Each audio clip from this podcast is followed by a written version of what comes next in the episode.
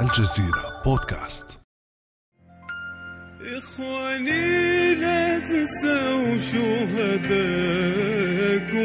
اللي ضحوا البلاد. صوتهم من القبور يناديكم. اسمعوا لهذا الصوت يا عباد. صوتهم من القبور اسمعوا لهذا الصوت يا أربعمائة وخمسة وسبعون كيلومتراً. هذا ليس طول طريق يربط بين مدينة وأخرى ولا بين بلد وآخر بل هو رقم يمثل حجم الأرشيف الجزائري المحجوز لدى فرنسا منذ ما يقرب من ستين عاماً حسب تصريح وزير المجاهدين الجزائري الطيب زيتوني. أنا تكلمت مع الوزير الفرنسي السابق يعني جون مارك دوتشيني يعني كاتب الدولة المكلف بال- بالقدماء المحاربين والذاكرة الفرنسية. آه، الأرشيف الفرنسي موزع على الأرشيف ال- ال- الفرنسي في وزارة الدفاع في وزارة العدل في وزارة قدماء المحاربين في وزارة الداخلية. وأعطاني رقم يقول لي عندنا آه، 475 كيلومتر من الأرشيف الجزائري موجود في فرنسا.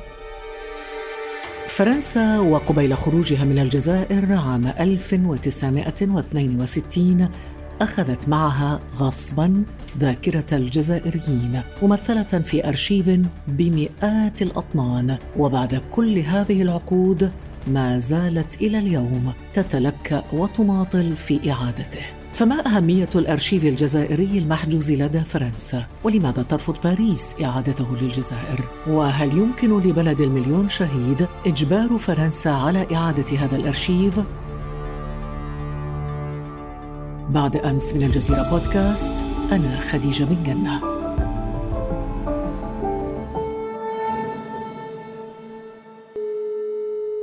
ويسعدني أن أرحب اليوم بضيفنا من الجزائر بالدكتور عمر بوضربة أستاذ التاريخ المعاصر بجامعة المسيلة أهلا وسهلا بك دكتور صباح الخير. صباح الخير. أهلا بك أستاذة واهلا بكل متتبعي قنوات الجزيرة. دكتور عمر بوضربة يعني ونحن نتحدث عن موضوع الأرشيف. أولا دعني أقول لك أنه الرقم بصراحة صدمني وبالتأكيد سيصدم المستمعين عندما نقول أنه حجم الأرشيف الجزائري لدى فرنسا يتجاوز 475 كيلومتر. يعني لو فرشته طولا من مدينة إلى مدينة ربما يكفي ويبقى منه. ما أهمية هذا الأرشيف؟ وكيف بقي محجوزا لدى فرنسا كل هذه المدة؟ شكرا لك استاذه على هذا السؤال. يعني فرنسا بعد احتلالها الجزائر في صيف 1830 استولت في الحقيقة على الأرشيف استولت على أموال الخزينة التي كانت في القصبة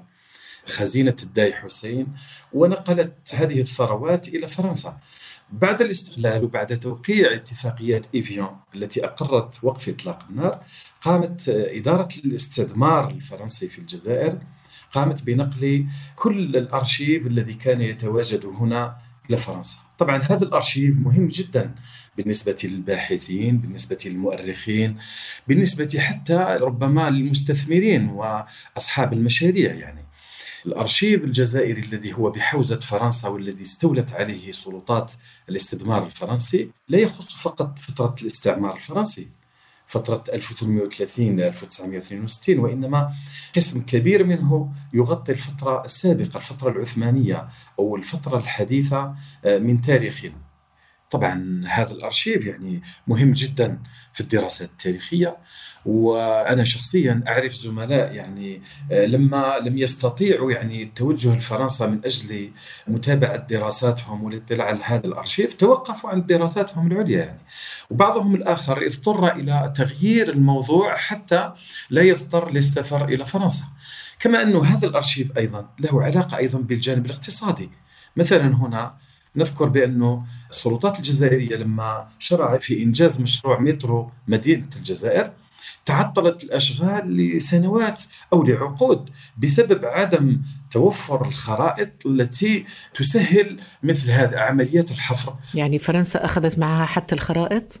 وحتى الخرائط وهذا الخرائط وحتى هناك أرشيف مصور هناك أرشيف سمعي أرشيف بصري يعني هذا الأرشيف هو ليس عبارة عن وثائق فقط ليس عبارة عن مراسلات فقط أو معاهدات وإنما فيه حتى خرائط للتراب الجزائري لأهم المدن للأشغال التي استحدثتها مختلف المصالح الإدارية مختلف المصالح الفرنسية في المدن الكبرى وبخاصة في مدينة الجزائر. العاصمة لكن قانونيا والمعمول به دوليا دكتور عمر بوضربة الأرشيف عادة يكون ملك من؟ هل هو ملك الدولة أو الأرض التي كتب فيها أم الدولة المشرفة على أو المحتلة والمستعمرة لهذه الأرض؟ هذا الأرشيف المفروض هو أرشيف جزائري وفق الأعراف الأرشيفية الدولية وهذا ما أشار إليه الاستاذ عبد المجيد شيخي اللي هو في الحق رجل قانون وأشرف على الأرشيف الوطني لمدة عقدين من من الزمن يعني منذ تقريبا نهاية التسعينات إلى يومنا هذا يعني إلى قبيل تعيينه مستشارا آه، لرئيس الجمهورية مكلفا بملف الذاكرة. نعم لكن ربما القوانين الفرنسية دكتور عمر تمنع تسليم الأرشيف إلا بعد مدة زمنية معينة في سنة 2009 وقع الأرشيف الجزائري اتفاقية مع الأرشيف الفرنسي لاستنساخ صور عن أصول الأرشيفات الموجودة في دور الأرشيف الفرنسية. لكن لحد الآن لم يحدث على النقيض أو على عكس ما حدث مع تونس والمغرب. التونسيون مثلا يعني تحصلوا على تقريبا النسخ المتعلقة بأرشيفهم وحتى المتعلقة بأرشيفنا. يعني كثير من الباحثين الجزائريين اليوم يتوجهون نحو تونس يعني من أجل تصوير بعض الوثائق المتعلقة بأحداث تاريخية آه، خاصة بتاريخنا الحديث أو المعاصر. نعم، كيف نفسر دكتور عمر هذه المفارقة الغريبة أن يسلم الأرشيف الخاص بتونس والمغرب لهاتين الدولتين والأرشيف اللي هو أكبر وأثقل وأطول زمنيا وأقصى وأعنف من حيث المحتوى لا يسلم للجزائر كيف نفهم تعامل أو ازدواجية التعامل الفرنسي مع موضوع الأرشيف الجزائري؟ سؤال وجيه جدا. إجابة عن هذا السؤال يمكن أن نستنبطها من خصوصية العلاقة بين الجزائر وفرنسا. تونس والمغرب والمغرب الأقصى كانتا عبارة عن محميتين يعني. حتى القوانين الفرنسية والدساتير الفرنسية لم تنص في يوم من الأيام على أن تونس والمغرب هما قطعتان أو مقاطعتان من من الوطن الأم فرنسا. في حين انه الأمر في الجزائر يختلف. الجزائر كانت مستعمرة استيطانيه يعني وحتى القوانين الفرنسية والدساتير الفرنسية كانت تنص على أن الجزائر هي جزء لا يتجزأ من فرنسا. أكيد أن كثير من هذا الأرشيف يتعلق بهذه المرحلة السوداء من تاريخ فرنسا. هي مرحلة قاتمة. هي مرحلة سوداوية وكان لونها أحمر يعني من لون الدماء. إذا يمكن أن نفهم من كلامك دكتور عمر أنه إخفاء الأرشيف أو عدم تسليم الأرشيف للجزائر يعود إلى بشاعة هذه الممارسات الفرنسية إبان احتلالها الاحتلال فرنسا للجزائر. يعني لا تريد ربما أن تنفضح فرنسا من خلال هذه الوثائق والمواد الأرشيفية. أكيد أكيد. يعني رغم أنه ينبغي أن نقر بمسألة أخرى يعني وهي منسجمة مع ما نطرحه وهو أن العملية برمتها مرتبطة بالرغبة الفرنسية لإبقاء يعني تبعية الجزائر لفرنسا يعني في كل المجالات. حتى في مجال الأرشيف؟ حتى في مجال الأرشيف يعني. لأن الباحثين يعني آه، يقتنون تذاكر الطائرات ويتوجهون نحو مختلف المدن الفرنسية التي تأوي هذه المراكز الأرشيفية ويصرفون أموال طائلة في الفنادق التي تأويهم في فترة تربصاتهم وما إلى ذلك. يعني كل هذا سيضيع من فرنسا يعني بالإضافة إلى ان أن تسليم هذا الأرشيف دون قيد أو شرط سيكشف الكثير من الممارسات. والمفاوضات في الحقيقة جرت وما زالت تجري بين الطرفين بشأن الأرشيف. يا ريت لو تعطينا صورة عن هذه المفاوضات بين فرنسا والجزائر حول موضوع الأرشيف. وين وصلت الآن؟ يعني في الحقيقة أنه هذه المفاوضات لا زالت تراوح مكانها. يعني آه، حتى أن الجزائر وقعت مع فرنسا اتفاقية حول تسليم آه، حول الأرشيف وتسليمه. واقتصر على تسليم نسخ من هذا لكن لم يتم تسليم هذا وحتى يعني الأرشيف العثماني الذي لا ليس لفرنسا الحق في امتلاكه ولا في التصرف فيه يعني هو لم يسلم لحد اليوم يعني. نعم. دكتور عمر هل قصرت الجزائر برأيك في السعي والمطالبة باستعادة هذا الأرشيف؟ عندما نسمع أنه الجزائر اشترت يعني خلينا نقول بضع مئات من الوثائق في مزادات علنية وربما بضعة كتب نتساءل إن كانت الجزائر أيضا كانت جادة حقيقة في استعادة هذا الأرشيف؟ والله في فترة من الفترات أقول بأنها لم تكن جادة.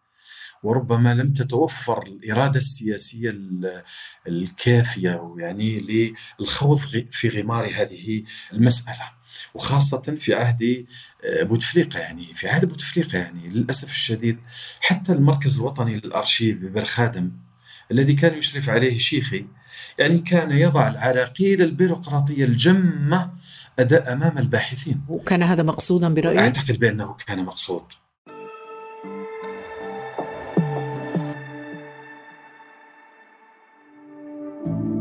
بعد أمس يأتيك صباح كل يوم مع فنجان قهوتك. لا تنسى تفعيل زر الاشتراك في تطبيقك لتصلك الحلقات الجديدة في الصباح الباكر. ما زلنا بصدد البحث عن أسباب تعنت الجانب الفرنسي ورفضه تسليم الأرشيف للجزائر، هذا يبعث في الحقيقة على طرح تساؤلات كثيرة إن كانت هناك بالفعل قوى داخل فرنسا تعرقل هذا الأمر. خلينا نستمع اولا إلى عبد المجيد شيخي مدير المركز الوطني للأرشيف وهو يشير إلى وجود لوبيات داخل فرنسا تعارض عملية تسليم الأرشيف للجزائر. عندهم في فرنسا جمعيات فاعلة وذات صيت كبير وتقيم الدنيا وتقعدها لأن فيه شعار يرفع في وجوهنا يعني ويرمى علينا أننا سرقنا هذا البلد من الفرنسيين هذا الذي يؤلم الجزائريين دكتور عمر إذا ما هي العقبات برأيك التي تحول دون استعادة هذا الأرشيف؟ أنا أشاطر الأستاذ عبد المجيد الشيخي فيما ذكر يعني أنه هناك جمعيات خاصة جمعيات قدماء المحاربين ربما جمعيات التي ينتظم تحت لوائها الحركة وغيرهم. يعني واليمين بمختلف اليمين المتطرف بمختلف يعني واجهاته يرفضون تسليم هذا كما يرفضون أمور أخرى يعني تخص الجزائر يعني. لكن أعتقد بأنه هذا غير كافي يعني. هذا كمبرر يعني لا أعتقد بأنه كافي ينبغي أن نتسلح بإرادة سياسية قوية من أجل الشجاعة في المطالبة مطالبة الفرنسيين بهذا الأمر حتى ولو أدى ذلك إلى مسألة التحكيم الدولي يعني اللجوء إلى المؤسسات الدولية التي يمكن الاحتكام إليها في هذا فكرت الجزائر في ذلك؟ والله لحد الآن حتى وإن كان فكرت ربما لكن كخطوات عملية آه، لم تتخذ أي خطوات عملية في هذا الجانب. يعني خطواتها العملية كانت باتجاه الطرف الفرنسي والطرف الفرنسي ينبغي أن تضغط عليه بالداخل هنا. نعم. ربما كما ذكرت دكتور عمر أن الجزائر لم تلجأ إلى التحكيم الدولي ولكن المطالبات قائمة والجزائريون يعني إلى هذه اللحظة ما زالوا يطالبون لا يتعبون من المطالبة بما يعتبرونه حقا وطنيا لهم وجزءا من ذاكرة مسروقة. ينبغي أن تعود إليهم تماما كما عادت إليهم الأرض عام 1962 واللافت دكتور عمر إنه حتى الجيل الجديد لم يشهد حرب التحرير ولا يعد من جيل الاستقلال يعني مباشرة بعد الاستقلال، الأجيال الجديدة ما زالت ترفض أن تنسى الماضي الدموي لفرنسا، وقد يكون ربما الرئيس إيمانويل ماكرون قد تفاجأ بهذا الأمر عندما زار الجزائر عام 2017 والتقى شبابا جزائريين في الشارع. Mais vous, vous avez quel âge? J'ai 26 ans. Mais vous n'avez jamais connu la colonisation? لكن أنت كم عمرك؟ عندي 26 لكن أنت لم تعرف أبدا الاستعمار. لماذا تحاول التشويش بهذا؟ جيلكم أنتم عليه أن ينظر إلى المستقبل. لا لكن أبائي عاشوا فترة الاستعمار الفرنسي. أعرف لهذا قلت إننا سنعترف. الشباب الجزائري ليس عليه أن يستمر في النظر إلى الماضي. يجب عليه أن يفتح صفحة للمستقبل. توقفوا. الشباب الجزائري يجب أن ينظر دائما إلى المستقبل. يجب أن يبني. ما تعيشونه يوميا ليس الماضي وما قبل 1962 هل نقلب الصفحة أم نمزقها؟ لا يجب أن تبقى سجين التاريخ. هذا حوار دكتور عمر بين الشباب الجزائريين والرئيس ماكرون في الحقيقة يعكس مستوى عالي من النضج السياسي للشباب الجزائري أليس كذلك؟ أكيد يعني والله هذا الحوار يعني مؤثر جدا ويقشعر له بدن الإنسان يعني الفرنسيون يعني لما يتعلق الأمر بملف الذاكرة وجرائمهم هنا في الجزائر يعني يريدون منا أن ننسى وأن لا نقيم للتاريخ وزنا. لكن لما يتعلق الأمر بالهولوكوست يتعلق الأمر بجرائم كما يسميها جرائم الدولة العثمانية في حق الأرمن فهنا الأمر يختلف تماما يعني. ولذلك الفرنسيون يعني خطابهم فيما يتعلق بهذا الأمر يعني فيه ازدواجية فيه تناقض فيه انفصام. تسليم هذا الأرشيف هو خطوه نحو أكيد أنه سيدين ممارسة الاستعمار والأكيد أنه سيكون وسيلة امام الجزائريين لمطالبة فرنسا بالاعتراف بجرائمها ولما لا كخطوة لاحقة المطالبة بالتعويضات. المطالبة بالتعويضات يعني عن الجرائم الفرنسية في مختلف المجالات يعني.